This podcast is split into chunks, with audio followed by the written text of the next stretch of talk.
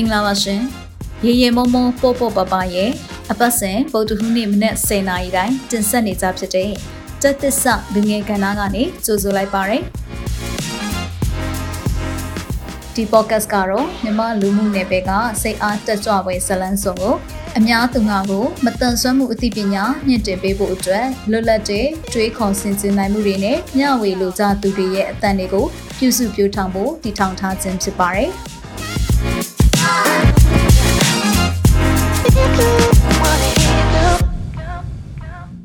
မင်္ဂလာပါဒီအစီအစဉ်ကိုနားဆင်ခံစားအားပေးနေကြတဲ့သောရရှင်များအားလုံးကိုရောစိတ်ပါရှင်လန်းချမ်းမြေ့နိုင်ကြပြီးကောင်းသောနေ့ရက်တစ်ရက်ကိုပိုင်ဆိုင်နိုင်ကြပါစေလို့ဆုတောင်းမေတ္တာပို့သရင်နဲ့နှုတ်ဆက်ပါတယ်ကျွန်တော်အောင်ကူမြင့်ပါဒီနေ့အစီအစဉ်မှာတော့ရက်ကြည့်သွားဆိုတဲ့ခေါင်းစဉ်လေးနဲ့လူငယ်ဘဝအချိန်ကာလဟာ ကျွန်တော်တို့ဘဝတစ်လျှောက်လုံးမှာအရေးကြီးဆုံးအချိန်တွေကအချိန်တစ်ချိန်ဖြစ်တယ်ဆိုတဲ့အကြောင်းကိုကျွန်တော်ရဲ့ဘဝအတွေ့အကြုံနဲ့နှိုင်းယှဉ်ပြီးတော့မှမျှဝေပြောပြချင်တာပါအဲ့ဒီလိုပြောပြတဲ့အခါအပိုင်း၃ပိုင်းနဲ့ပြောချင်ပါတယ်ပထမတစ်ပိုင်းကတော့ကျွန်တော်လူငယ်ဘဝဖြတ်တန်းခဲ့တဲ့ပုံသဏ္ဍာန်နေ့ရက်များပဲဖြစ်ပါတယ်ဒုတိယတစ်ပိုင်းကတော့ဒီအရွယ်ရောက်လာတဲ့အခါ အမှန်တကယ်ဖြတ်တန်းခဲ့ရတဲ့ဘဝပုံသဏ္ဍာန်အခြေအနေကိုကိုကိုကိုအာမနာတန်းပြန်ပြီးတော့မှဝေဖန်ဆန်းစစ်ကြည့်မှာပါတတိယနဲ့နောက်ဆုံးကတော့ဒီနေ့လူငယ်ဘဝရဲ့နေ့ရက်များကိုဖြတ်တန်းနေကြရတဲ့ညီငယ်ညီမငယ်အားလုံးအတွက်အကြံပြုချင်တာပါအားပေးချင်တာပါဒါကြောင့်ဒီအစီအစဉ်လေးကိုအဆုံးထိလိုက်ပါပြီးတော့နားဆင်ခံစားစဉ်းစားဝေဖန်သုံးသပ်ပြီးဖို့ဖိတ်ခေါ်ပါတယ်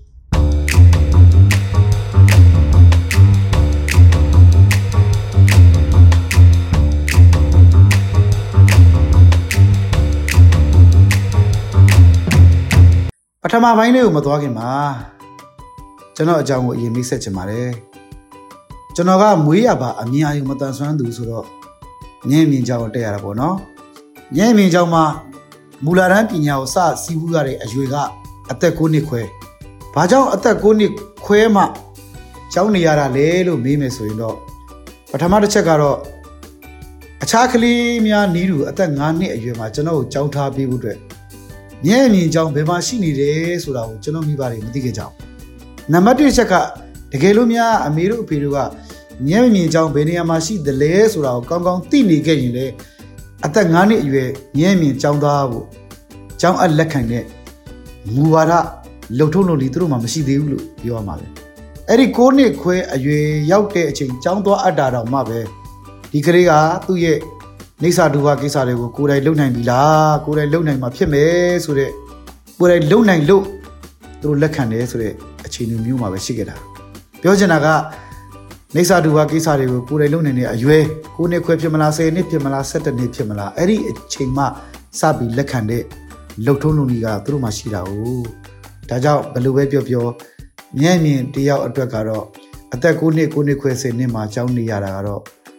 ကျွန်တော်တို့အများကြီးမတန်ဆန်းသူများလောကမှာတော့အထူးဆန်းမဟုတ်တော့ဘူးပေါ့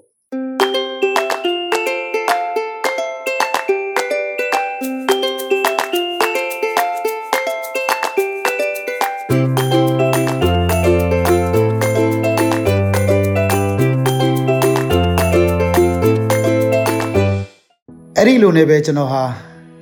ရန်ကုန်တိုင်းဒေသကြီးကြီးမနိုင်မြဲမြင်ကျောင်းမှာမူလာတန်း စရုထထအောင်မြင်တဲ့အထိကျွန်တော်ကျောင်းတက်ရတယ်။ဂျားထဲမှာ1988တုန်းကကျောင်းတစ်နှစ်ပိတ်သွားတော့ကျွန်တော်စာမေးပွဲမဖြေလိုက်ရဘူးပေါ့နော်။အဲ့ဒါငကိုတွေကမှအသက်ကြီးပါတယ်ဆိုမှအသက်ပူကြီးသွားတာပေါ့နော်။ကျွန်တော်အသက်14နှစ်15နှစ်ရောက်တဲ့အချိန်မှာကျွန်တော်၄တန်းပဲရှိသေးတာ။ကျွန်တော်တဲ့အသက်တစ်နှစ်နဲ့၈လပဲကြီးတဲ့အမအဲ့ဒီအချိန်မှာ तू က10တန်းရောက်နေပြီ။အသက်အပြင်တစ်နှစ်နဲ့၈လပဲကွာပြီမဲ့ဘဝအခြေအနေက မတူတာကိုကျွန်တော်သတိထားမိတယ်ထို့တူပဲကျွန်တော်ရဲ့အောက်ကညီအငယ်က तू က9တန်းရောက်နေပြီကျွန်တော်တဲ့2နှစ်ပဲငယ်တယ်ကျွန်တော်တဲ့4နှစ်ငယ်တဲ့ညီလေးက तू က3တန်းရောက်နေအဲ့တော့ကျွန်တော်က4တန်းရောက်တဲ့အချိန်14 15နှစ်ဆိုတော့ဘာပဲပြောပြောလူလူသူလူနားလေတဲ့အရွယ်ရောက်ပြီပေါ့နော်အဲ့တော့ကျွန်တော်မောင်နှမတွေညီကိုမောင်နှမတွေအားလုံးကအချိန်တန်အရွယ်ရောက်ရင်ကျွန်တော်တဲ့အတတ်ပညာတွေအသိပညာတွေအတန်းပညာတွေ အသီးသီးရကြောတက်ပြီးတော့မှအောင်မြင်ကြမယ်ဆိုတာယုံကြည်တယ်။ဘာကြောင့်လဲဆိုတော့သူတို့ရဲ့ကြိုးစားအထုမှုတွေသိနေတယ်။မိခင်ဖခင်တွေကလည်းသူတို့ကိုပညာအမွေကောင်းကောင်းပေးနိုင်တဲ့အခြေအနေမျိုးမှာရှိတယ်။ကျွန်တော်ကမျက်စိမမြင်ရတဲ့ကြားတယ်ပညာပါမတတ်ဘူးဆိုရင်အသက်အရွယ်ကြီးလာတဲ့အခါဘယ်လိုဘယ်ပုံနည်းနဲ့သူတို့ကိုဥဆောင်ရမလဲ။သူတို့အမှားယွင်းနေလှုပ်ခဲ့ရင်ဘယ်လိုပုံသဏ္ဍာန်မျိုးနဲ့စိုးစိုးမှမှုပြုနိုင်မလဲဆိုတော့ကိုကိုကို စဉ်းစားမိတဲ့အခါငါပညာတတ်မှဖြစ်မယ်ဆိုတဲ့အတွေးခေါ်လေးတော့ကျွန်တော်မှရှိခဲ့ပါတယ်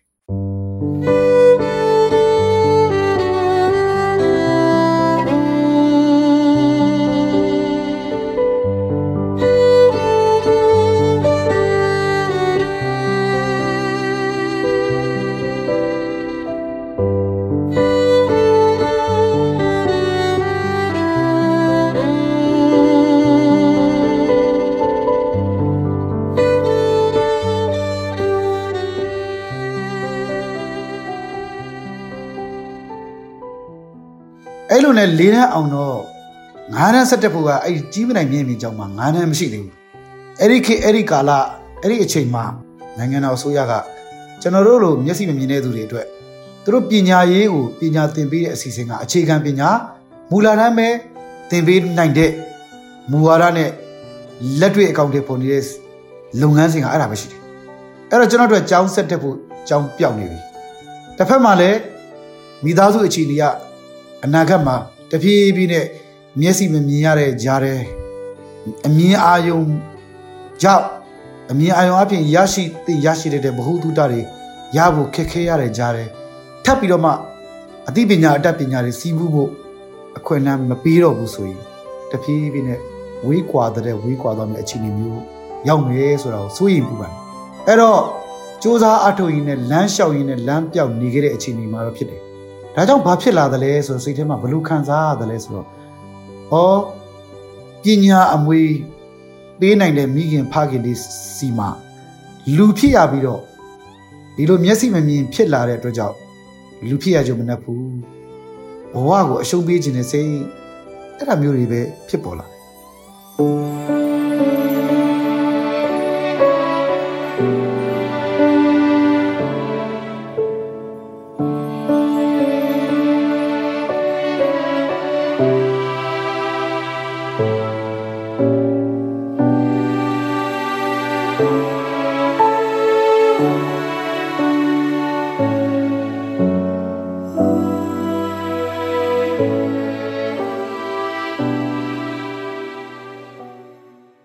အဲ့ဒီလိုနဲ့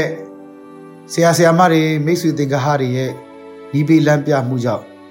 မယန်းကုန်းခွဲကြမှာခွဲကြမျက်မြင်ကြောင်းဆိုတာနဲ့အချိတ်ဆက်ဖြစ်သွားတော့ကျောင်းဆက်တက်ခွင့်ရတယ်ညံ့မြင်ကြောင်းရှိသေးတာပဲအထက်တန်းတိတက်ဖို့အတွက်ကျောင်းရှိသေးတာပဲဆိုတော့ဝမ်းသာသွားတယ်ဒါနဲ့9တန်း6တန်း9တန်းမှာလိုအပ်တဲ့ပုံဆွဲနည်းပညာကိုဟိုခွဲကြမျက်မြင်ကြောင်းအဲ့ဒီမှာကျွန်တော်သွားပြီးတော့တပတ်လောက်ကျောင်းအိတ်ကျောင်းစားနဲ့ပညာစည်းပြီးတော့မှ အလုံးမှာကျွန်တော်နေထိုင်တဲ့အလုံးမှာအဲ့ဒီအလုံးကနေပြီးတော့မှအမေကကျောင်းဆရာမဆိုတော့အမေရှိတဲ့ကျောင်းမှာစရင်သွေးပြီးတော့မှအိမ်မှာကျူရှင်ဆရာဆရာမတွေခေါ်တင်ပြီးတော့မှစာမွေးဖြီးတဲ့အချိန်ဒီမှာပဲကိုယ့်ထက်တန်းငယ်တဲ့ကလေးနဲ့စာမွေးဖြီးတဲ့စနစ်ကိုကျင့်သုံးခဲ့တယ်အဲ့ဒါလဲ9တန်း6တန်းရတယ်9တန်းကျတော့လက်မခံတော့ဘူးကျောင်းဆရာကြီးကသူတို့လုံမပေးရတော့ဘူးအဲ့ဒီလုံပေးဖို့အတွက်ကိုမူမရှိဘူးဆိုပြီးတော့ လုံထုံးလုံးနေမရှိဘူးဆိုပြီးတော့အဲ့လိုပြောတယ်ဒါပေမဲ့သူအရင်တော့ကတော့9တန်း6တန်းတော့လက်ခံခဲ့ပြီးတော့နောက်လက်မခံနိုင်တော့တဲ့အချိန်ကျတော့မူမရှိဘူးလုံထုံးလုံးနေမရှိဘူးတော့ညင်းပယ်ခံခဲ့ရတာပေါ့နော်အဲ့ဒါနဲ့တခါထပ်ပြီးလမ်းပြောက်ခဲ့ပြန်ရောတစ်ဖက်မှာလည်းကျွန်တော်ဘာတွေစိတ်ဝင်စားနေတယ်လဲဆိုတော့ကိုမူလာရန်တက်ခဲ့တဲ့ကြီးမြတ်မြင့်မီအကြောင်းကိုဘက်ကိုပြန်ရောက်ပြီးတော့မှတချင်းဆိုတာဝါသနာပါတော့တချင်းဆိုတင်တယ်နောက်ပြီးတော့ဒရန်တီးတာတဲ့ အဲ့လိုနဲ့ပဲဒီကြီးမြတ်မြင့်မီအကြောင်းအမြဲတမ်းသွားသွားပြီးတငယ်ချင်းတွေနဲ့ပျော်ပါလက်ဖက်ရည်တော့မုတ်စားဂီတာတီးတချင်းဆိုသူတို့ကအကြောင်းအစီအစဉ်နဲ့ဒီဘိုက်နေထွက်တဲ့အခါမှာလိုက်ပြီးတချင်းလိုက်ဆိုဘာမှမရပါဘူးဒါပေမဲ့ဘဝတူတငယ်ချင်းတွေနဲ့သွားရလာရပြောရဆိုရတော့ကိုယ့်ရဲ့ဘဝလေးအတွက်မှာကိုပြန်ပြီးတော့ပျော်လာတာပေါ့နော်တစ်ဖက်မှာလည်းဘာပြန်ဖြစ်လာလဲဆိုတော့เจ้าကအစင်မပြေတော့ဘူးဆိုတော့ဒီမှာစည်ရင်သွင်းထားတာမရတော့ ခုနကျွန်တော်ပြောပြခဲ့တဲ့မယန်းကုန်းခွဲကြံမြင့်မြင့်ကျောင်းကိုပဲသွားပြီးတော့မှစည်ရင်ပြန်သွင်းပြီးတော့မှအဲ့ဒီကျောင်းမှာနေတိုင်းကျောင်းသွားတက်ပြီးတော့မှ9တန်း10တန်း9တန်း10တန်းအောင်မြင်ခဲ့ပါတယ်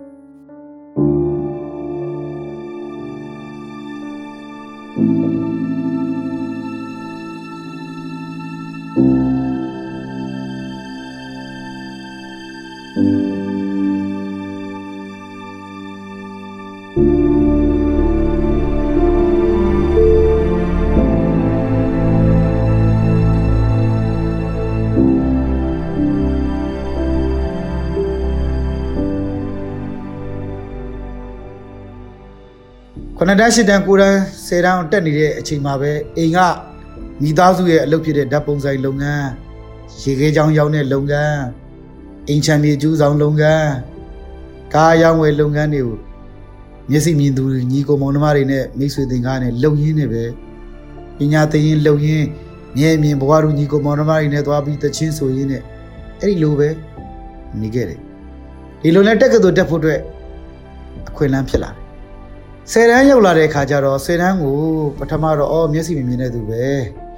ကိစ္စမရှိဘူးပုံဆွဲရမှာတွေကအမှတ်တရမလွယ်ဘူးပုံနဲ့အမှတ်တရရော့မှာပေါ့နော်အဲ့တော့မျက်စိမမြင်တဲ့ပြကြက်စာတွေကတော့ငါအမှတ်ရအောင်လုပ်မယ်ဂုံမှုတွေအများကြီးပါအောင်လုပ်မယ်ဆိုပြီးတော့အင်္ဂလိပ်စာတို့သမိုင်းတို့အဲမြန်မာစာတို့တော့ဂုံမှုသုံးခုတော့ရအောင်လုပ်မယ်ဆိုပြီးဆယ်တန်းစတဲ့တုန်းကစအချူစားတယ်အဲ့လိုနဲ့စတက်ပြီးတော့မှပထမ၄လလောက်ကြော်လာတဲ့ခါကျကိစ္စမရှိဘူးမြန်မာစာအနေနဲ့ရှုပ် တမိုင်းနဲ့အင်္ဂလိပ်စာကုန်လုံးနှစ်ခုပဲရရင်ကောင်းမလဲဆိုပြီးတော့အဲ့လောက်နဲ့ပဲကြီးနှက်ပြီးတော့မှဒုတိယလေးလဘက်ကိုဆက်ကြိုးစားတတိယလေးလဘက်ကျဟာတမိုင်းအနေနဲ့နဲ့ခက်တယ်ဤဒီမြွေးကျဲရတာတော်တော်ခက်တယ်အဲ့တော့အင်္ဂလိပ်စာပဲကောင်းတယ်ငါတို့မျက်စိမြင်တဲ့သူနဲ့အင်္ဂလိပ်စာကြိုက်တယ်အင်္ဂလိပ်စာကုန်လုံးလေးရပြီးရောဆိုပြီးတော့မှတတိယလေးလဘက်မှာရှော့ရှော့ပြီးကြိုးစားလိုက်တာပေါ့နော်နောက်ဆုံးကျတော့ဆာမွေးလည်းဖြေခံနေကြတော့ဘာပဲဖြစ်ဖြစ်ဂုံလူရသည်ဖြစ်စေမရသည်ဖြစ်စေအောင်ရင်ပြီးရောဆိုတော့ စိတ်ကလေးကပြန်ပြောင်းသွားတယ်ဒီလိုတွေဖြစ်ဖို့အတွက်ကတစ်ဖက်ကဘာတွေကစိတ်ထဲမှာလာပြီးတော့နှောက်ယှက်နေတယ်လဲဆိုတော့ကျွန်တော်ခုနပြောပြတဲ့ကားအရောင်းဝယ်လုပ်ငန်းတို့အိမ်ချမ်းမြေကျူးဆောင်လုပ်ငန်းတို့ဓာတ်ပုံဆိုင်လုပ်ငန်းတို့ဒါတွေကိုတစ်ဖက်ကလုပ်ရင်းနဲ့ပတ်စံရတာလေးတွေကိုမြင်လာတာဟုတ်မိတ်ဆွေအပေါင်းအသင်းတွေနဲ့ပြောရဆိုရစကားပြောရဒါလေးတွေကသဘောကျတာဆယ်တန်းရောက်တဲ့အခါမှာအသက်က20ကျော်လာပြီလေ21ထဲဝင်လာပြီလေအခြားကလေးတွေလိုတာမန် တန်ဆွမ်းသူကလေးတွေလို10တန်း16နှစ်အရွယ်မဟုတ်ဘူးအဲ့တော့အသက်ကကြီးလာပြီဆိုတော့မတူတော့ဘူးလေအဲ့တော့သူများပြောသလိုပြောချင်တာပေါ့လေသူများတွေစကားပြောသလိုပြောချင်တာပေါ့ဆိုတော့အာယုန်ကြီးကများလာတဲ့ခါမှာတစ်ဖက်ကကျူးသားအထုပ်ပြီးရော့လာတယ်ဒါပေမဲ့ဘာဖြစ်ဖြစ်အောင်လုပ်တော့မယ်အောင်ရင်ပြီးရောဆိုပြီးတော့ညချစ်ပေါက်တော့အောင်ခဲ့ပါတယ်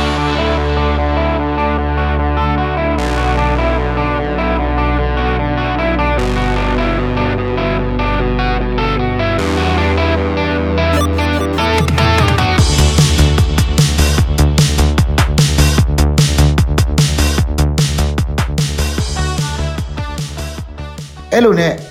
တက်ကတူစတက်ခွင့်ရတယ်။ဒီကြတဲ့တက်ကတူတက်သွားရင်ဒီတိုင်းပုံမှန်ကြိုးစားရင်တော့ဘွဲတစ်ခုရမယ်ဆိုတော့အဲ့တော့ဒီကြတဲ့မူလာတန်းအရွယ်ကကြောင်းထွက်လိုက်ရတာတဲ့ဆိုင်ရင်တော့ဘွဲတစ်ခုရပြီဆိုရင်တော့မစိုးဘူး။ငါဘွားတော်တော်လေးတော့အဆင်ပြေပြီ။မျက်စိမြင်ဖြစ်နေပဲစာမတက်ဘူးလို့ဘယ်သူမှမနှိမ်တော့ဘူးအတင်ခံမဲ့အခြေအနေမျိုးကလွန်မြောက်ပြီဆိုပြီးတော့ကုတ်ကူပြောနေခဲ့တယ်။ဒီလိုအချိန်မှာပဲနိုင်ငံရခြားကဟိုဂျပန်နိုင်ငံကနေပြီးတော့မှ ပညာတော်သင်ခေါ်ယူတဲ့သတင်းလေးကြားတော့ဟာဂျပန်နိုင်ငံသွားပြီးတော့မှပညာစည်းဘူးနေတဲ့စိတ်ကလေးလောဘစိတ်ကလေးနည်းနည်းလေးရှိလာတယ်အဲ့လိုနဲ့ပထမနှစ်ကြိုးစားတယ်မအောင်မြင်ခဲ့ဘူးဒုတိယနှစ်ထပ်ပြီးဖြေတဲ့ခါမှာဘုရားကျေးဇူးမိဘဆရာသမားများရဲ့ကျေးဇူးတငယ်ချင်းမိသင်္ကာဟတွေရဲ့ကူညီဖေးမမှုကြောင့်ဂျပန်နိုင်ငံမှာဆေလချွတ်ချွတ်ပညာသင်ခွင့် scholarship ပေါ့နော်ကျွန်တော်ရခဲ့တယ်အဲ့ဒီမှာသွားရောက်ပြီးပညာစည်းဘူးပြန်လာတဲ့ခါကျတော့ အတွေးအမြင်နဲ့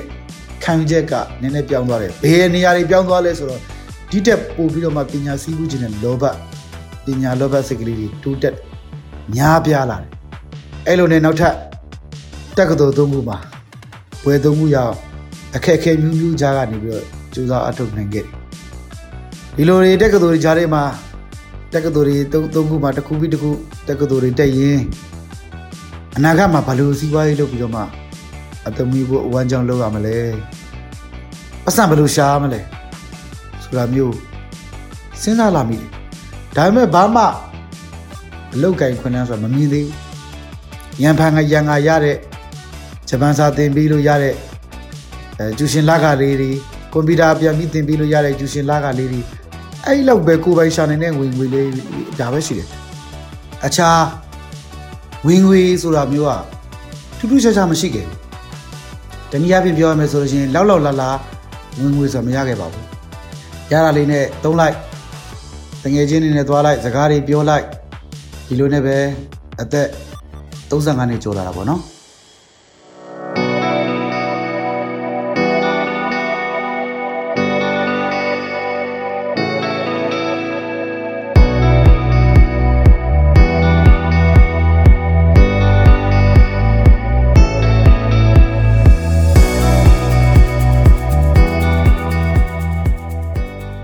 တော့ကျွန်တော်တို့အားလုံးသိကြတဲ့လူငယ်ဘဝအချိန်ကာလဆိုတာကတော့များသောအားဖြင့်ကတော့အသက်18နှစ်ကနေ35နှစ်အတွင်းကိုလူငယ်လို့သတ်မှတ်ကြတာပေါ့တချို့လည်းအသက်18နှစ်ကနေ35နှစ်အတွင်းမှာပဲအိမ်တော်ရသားကြသွားလို့လူကြီးဘဝကိုရောက်သွားတယ်လို့သတ်မှတ်တဲ့အဲလူမျိုးတွေလည်းရှိတာပေါ့နော်အဲ့တော့အများအားဖြင့်ကတော့အသက်18နှစ်ကနေ35နှစ်အထိကိုပဲကျွန်တော်တို့ကလူငယ်ဘဝဖြတ်သန်းမှုလို့ပြောရမှာဖြစ်ပါတယ် အဲ့တော့အခုကျွန်တော်ပြောပြခဲ့တဲ့အပိုင်းကတော့ဒါပထမပိုင်းမှာကျွန်တော်အမှန်တကယ်ဖြတ်တန်းခဲ့တဲ့16နှစ်ကနေ35နှစ်အတွင်းပုံရိပ်တွေကိုအကျဉ်းချုပ်ပြီးတော့မှအမှန်တိုင်းရင်းနှီးပွင့်လင်းစွာနဲ့ပြောပြခဲ့တာဖြစ်ပါတယ်ဒုတိယပိုင်းလေးကိုဆက်လိုက်ကြရအောင်เนาะအဲ့တော့ဒီဘိုင်းမှာတော့ကျွန်တော်လူငယ်ဘဝနေ့ရက်များကိုဖြတ်တန်းခဲ့တဲ့ကိုယ့်ရဲ့အခြေအနေကိုကိုပြန်ပြီးတော့မှအာမနာတန်းကိုဝေဖန်ကြည့်မှာပါ ကျွန်တော်အသက်18နှစ်ကနေပြီးတော့မှ35နှစ်အတွင်းဖြတ်သန်းလာခဲ့တဲ့အခါမှာကျွန်တော်အတွက်ရဲ့အမြင်တငယ်ချင်းအချို့ရှိခဲ့ပါတယ်။မျက်စိမြင်တဲ့တန်ဆွမ်းသူတငယ်ချင်းအချို့ရှိခဲ့ပါတယ်။ဒါပေမဲ့ကျွန်တော်မှရှိခဲ့တဲ့တငယ်ချင်းအပေါင်းအသင်းတွေကလက်ချိုးရည်လို့ရတယ်။ကျွန်တော်မျက်စိမမြင်တဲ့သူတငယ်ချင်းတွေကောမျက်စိမြင်သူမိတ်ဆွေတငယ်ချင်းအများကြီးကိုကျွန်တော်မိတ်ဆွေတငယ်ချင်းအဖြစ်ရောက်အောင်ကျွန်တော်မကြိုးစားနိုင်ခဲ့ဘူး။တနည်းအားဖြင့်ကျွန်တော်တို့ဒီနေ့ ဖွံ့ဖြိုးရေးလောကမှာသုံးနေတဲ့ network ကြဲကြဲမချဲ့နိုင်ခဲ့ဘူးတစ်ဖက်ကကြည့်ရင်အဲ့ဒီလို network ကြဲကြဲချဲ့ဖို့အတွက်လည်းကျွန်တော်မှာအခွင့်အလမ်းမသားခဲ့ဘူးလုံနိုင်တာလေးတစ်ခုက2000ခုနှစ်မှာဂျပန်နိုင်ငံကိုပညာတော်သင်သွားရောက်ခဲ့တဲ့အဲ့ဒီလိုအခွင့်အရေးရခဲ့တဲ့အတွက်ကြောင့်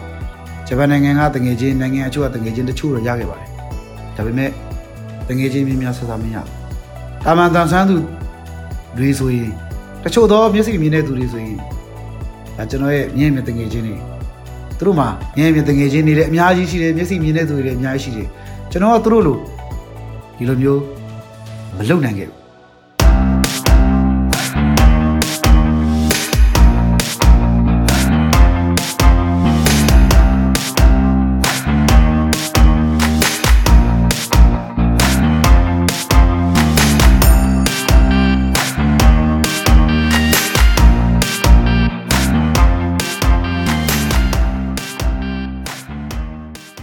တခါပညာကိုအထွတ်ထိပ်ရအောင်ကြိုးစားမယ်ဆိုတဲ့လောဘစိတ်လည်းကျွန်တော်မှာမရှိခဲ့ဘူးရသလောက်နဲ့ကျင်းတတ်တဲ့စိတ်မျိုးကများတယ်ထို့တူပဲကျွန်တော်မြင်တွေ့နေခဲ့ရတဲ့ချမ်းသာနေတဲ့လူတွေမျိုးတွေနော်ပြည်စုံတဲ့သူတွေမျိုးတွေချမ်းသာခြင်းနဲ့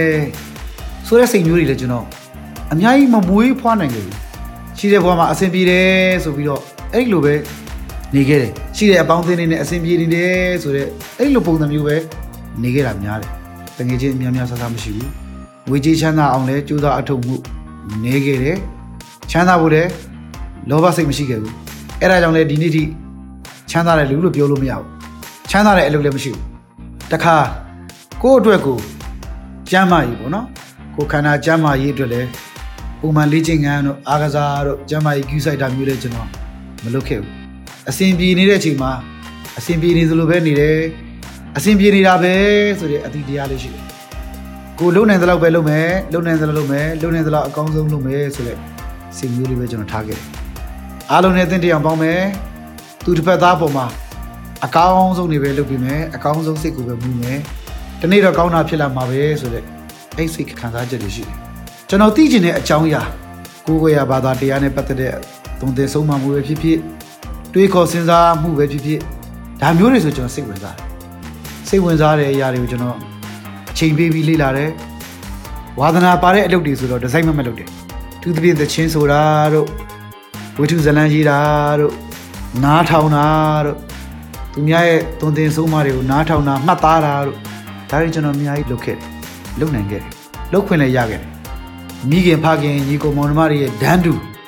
ပံပိုးကူညီမှုရခဲ့တယ်ရတော့လည်းအစွမ်းကုန် ကိုယ့်အကူကြိုးစားအထောက်မှုဆိုတော့နေခဲ့ပါတယ်လို့ဒါကျွန်တော်ကိုကျွန်တော်ဒီဒုတိယပိုင်းလေးမှာအာမနာတန်းဝေဖန်ဆန်းစစ်ကြည့်တာပါ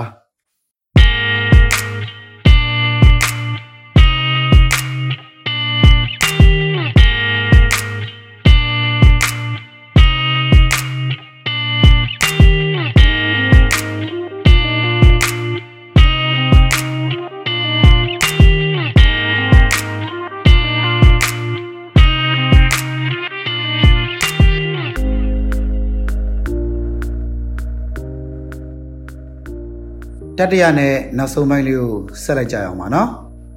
ကျွန်တော်တို့ဗမာလူမျိုးများအတွက်အင်မတန်မှကောင်းမွန်တဲ့အဆိုးအမိတ်တွေအဆုံးအမတွေအများကြီးရှိတယ်အထူးသဖြင့်အသက်အရွယ်အပိုင်းခြားလိုက်ဘယ်အသက်အရွယ်မှာဘာလုပ်တင်တယ်လဲဆိုတာကိုလူကြီးတွေစိုးမထားတာပေါ့အဲ့ဒါဘာလဲဆိုတော့ပထမအရွယ်မှာပညာရှာဒုတိယအရွယ်မှာဥစ္စာရှာတတိယအရွယ်မှာတရားရှာတဲ့သိကောင်းတယ်နော် ဒါပေမဲ့အဲ့ဒီအဆူဆုံးမမှုတဲ့ပို့ပြီးတော့ကျွန်တော်တို့အားထုတ်ကြိုးစားရင်မကောင်းဘူးလားလို့ဒီနေ့စဉ်းစားမိပါတယ်လို့။ဘာကြောင့်လဲဆိုတော့ကျွန်တော်တို့လှုပ်တဲ့လှုပ်ထိုက်တာတွေကတစ်ခါတစ်ခါပထမရေမှာလည်းရှိနေပါတယ်။ဥပမာကျွန်တော်တို့တရားရှာတဲ့အလုပ်ကိုပထမရေမှာလည်းအစပြီးတရားရှာရင်မကောင်းဘူးလား။ဒုတိယအရွယ်မှာလည်းဥစ္စာရှာရင်တရားရှာမကောင်းဘူးလား။ဒါကိုဆိုလိုခြင်းဖြစ်ပါတယ်။ကျွန်တော်တို့ကတော်တော်များများ လူဘဝရဲ့တက်တန်းကိုအပိုင်းသုံးပိုင်းနဲ့ပိုင်းကြတာကိုပထမရွယ်ကလေးပေါ့ဗျာဒုတိယရွယ်လူငယ်ပေါ့ဗျာတတိယရွယ်ကတော့လူကြီးရွယ်ပေါ့အဲ့တော့အဲ့ဒီအခြေအနေတွေကြည့်ရင်ကျွန်တော်တို့အခွင့်အလမ်းတွေကလေးဘဝမှာအခွင့်အလမ်းတွေလူငယ်ဘဝမှာအခွင့်အလမ်းတွေလူကြီးဘဝမှာအခွင့်အလမ်းတွေဘယ်အချိန်ကာလကအခွင့်အလမ်းအများဆုံးရနိုင်တယ်လဲလို့ပြောရင်ဒီနေ့လူငယ်ဘဝကအခွင့်အလမ်းအများဆုံးရနိုင်တဲ့အချိန်ပဲဖြစ်ပါတယ်။ဘာကြောင့်ဒီလိုပြောတာလဲလို့ပြောရင်ကလေးဘဝမှာじゃကျွန်တော်တို့က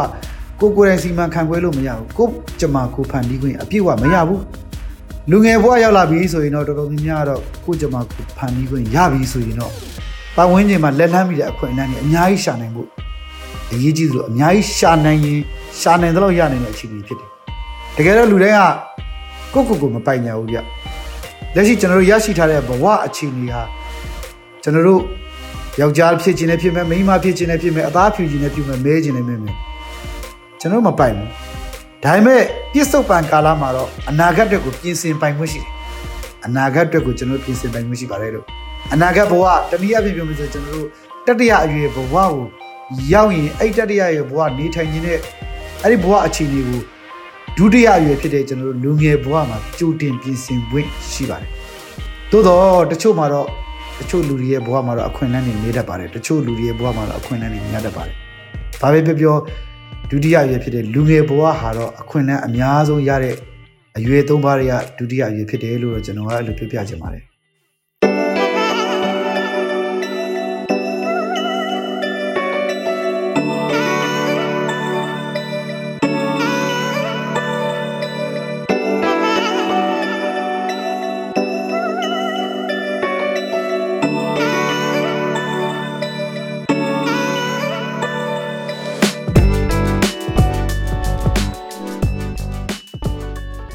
ဒီလိုပြောလို့ကျွန်တော်တို့တွေကအခွင့်အလမ်းတွေကိုရှာနိုင်သလောက်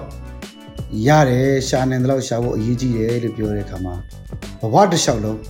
ပထမရေကောဒုတိယရေကောတတိယရေကောတစ်လျှောက်လုံးအမြဲတမ်းအားထုတ်နေလို့တော့မရဘူးတစ်ခါတစ်ခါကျွန်တော်တို့ကြိုးစားအထုတ်မှုတွေခဏရက်ရတာရှိတယ်တစ်ခါတစ်ခါကျွန်တော်တို့ကတပားသူရဲ့ကြိုးစားအထုတ်မှုတွေသူတို့ဘဝတွေမှာဖြစ်သွားတဲ့ပြက်သွားတဲ့အခြေအနေတွေကို ကြည့်ပြီးတော့မှလေ့လာသင်ယူရတာရှိတယ်တခါတရံမှာကျွန်တော်တို့ပူဆက်ပြီးတော့မှရှောက်လန်းမဲ့ဘဝကိုကြိုးစားရှောက်လန်းသွားရတဲ့အခြေအနေရှိတယ်ဒါရက်တဲ့အချိန်ရက်ရတယ်ကြည့်တဲ့အချိန်ကြည့်ရတယ်သွားတဲ့အချိန်သွားရတယ်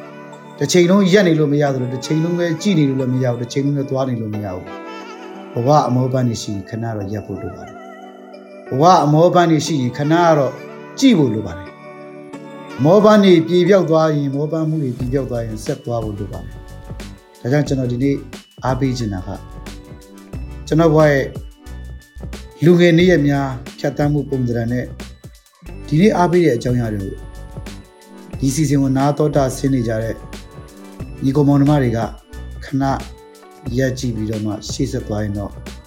ဘဝတစ်ခုမှာအမှန်တကယ်တိုးတက်မယ်လို့တော့အပြည့်အဝယုံကြည်မိပါတယ်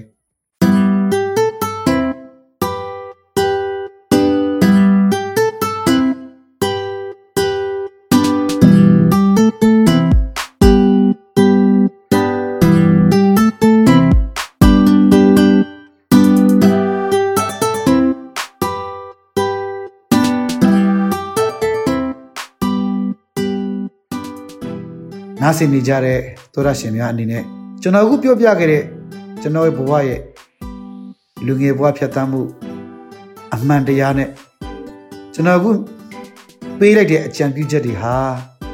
ဒါကြောင့်ဒီတတိယအပိုင်းလေးမှာကျွန်တော်အားပေးချင်တာကဘဝမှာလက်ရှိရောင်ရဲတင်းတိမ်မှုမလုပ်ဘဲလက်ရှိရှိနေတဲ့ဘဝထက်ပုံမူပြီးတော့မှအောင်မြင်တဲ့ဘဝကိုပိုင်ဆိုင်လူစိတ်အပြည့်ရှိဖို့လိုပါတယ်အဲ့ဒါပထမတစ်ချက်ပါ ဒုတိယတစ်ချက်ကတော့ကိုယ့်အတွက်မိတ်ဆွေအပေါင်းအသင်းတငယ်ချင်းကိုယ့်ရဲ့ network ကျယ်နိုင်သမျှကျယ်ချဲ့နိုင်သမျှချဲ့ထားဖို့ကျွန်တော်လိုပါတယ်အပေါင်းအသင်းဝင်ဆက်မှုလိုပါတယ်တတိယတစ်ချက်ရသမျှအခွင့်အလန်းနဲ့အခွင့်အရေးတွေကိုကျွန်တော်မှန်မှန်ကန်ကန်ရရအသုံးချပြီးတော့မှအသိပညာအတတ်ပညာတွေကိုအားသွန်ခွန်ဆိုင်စီဘူးတင်ယူထားဖို့လိုပါတယ် ထိုနည်းတူစွာပါပဲစရုထားချက်ရသမျှအခွင့်အလန်းနဲ့အခွင့်အရေးတွေကိုအသုံးချပြီးတော့မှမှန်ကန်တဲ့ကြိုးစားအားထုတ်မှုနဲ့ဘဝရက်တီအောင်မြင်ကြီးပွားတိုးတက်ရေးအတွက်ကိုစီးပွားရှာဖို့လိုပါတယ်ပြင်စမနဲ့နောက်ဆုံးချက်ပါကိုဘဝအတွက်အသက်ရှည်ကျန်းမာစွာနေထိုင်နိုင်ဖို့အတွက်ကိုကျန်းမာရေးလိုက်စားဖို့လိုပါတယ်ဒီအချက်၅ချက်ကိုပဲဖြစ်နေလူငယ်ဘဝမှာရှိနေစဉ်ကာလမှာ ကျွန်တော်တို့အချိန်နဲ့မျှတန်ဖိုးရှိရှိအသုံးချမယ်ဆိုရင်အနာဂတ်လူကြီးဘဝကိုဘယ်လိုပုံစံမျိုးနဲ့ဖြစ်ချင်တယ်လဲအနာဂတ်လူကြီးဘဝတတိယရွယ်ရောက်ရင်ကိုဘယ်လိုအနေထားကိုရောက်ချင်တယ်လဲဆိုတော့အဲ့ဒီဒုတိယရွယ်မှာပဲကောင်းမွန်စွာပြင်ဆင်နိုင်ကြမယ်လို့ယုံကြည်ပါတယ်ညီကောင်မောင်နှမများအတွက်တစုံတရာကောင်းကျိုးဖြစ်တယ်ဆိုရင်ပြောကြိုနှပ်ပါတယ်အဆုံးထိနှထောင်ပေးခဲ့တဲ့အတွက်ကျေးဇူးအများကြီးတင်ပါတယ်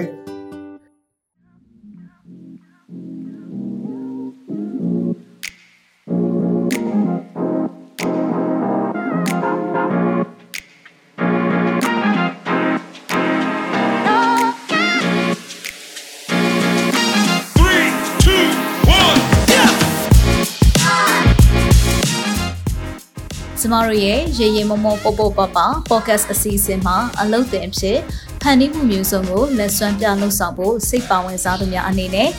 Google Form ကနေပြီးတော့မှမိမိတို့ရဲ့မှတ်ပုံတင်ရှင်းနှောင်းနဲ့အလှတက်ပုံတစ်ပုံအပြင်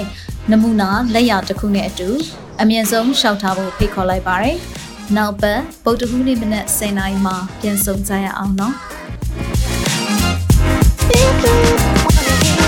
Yo.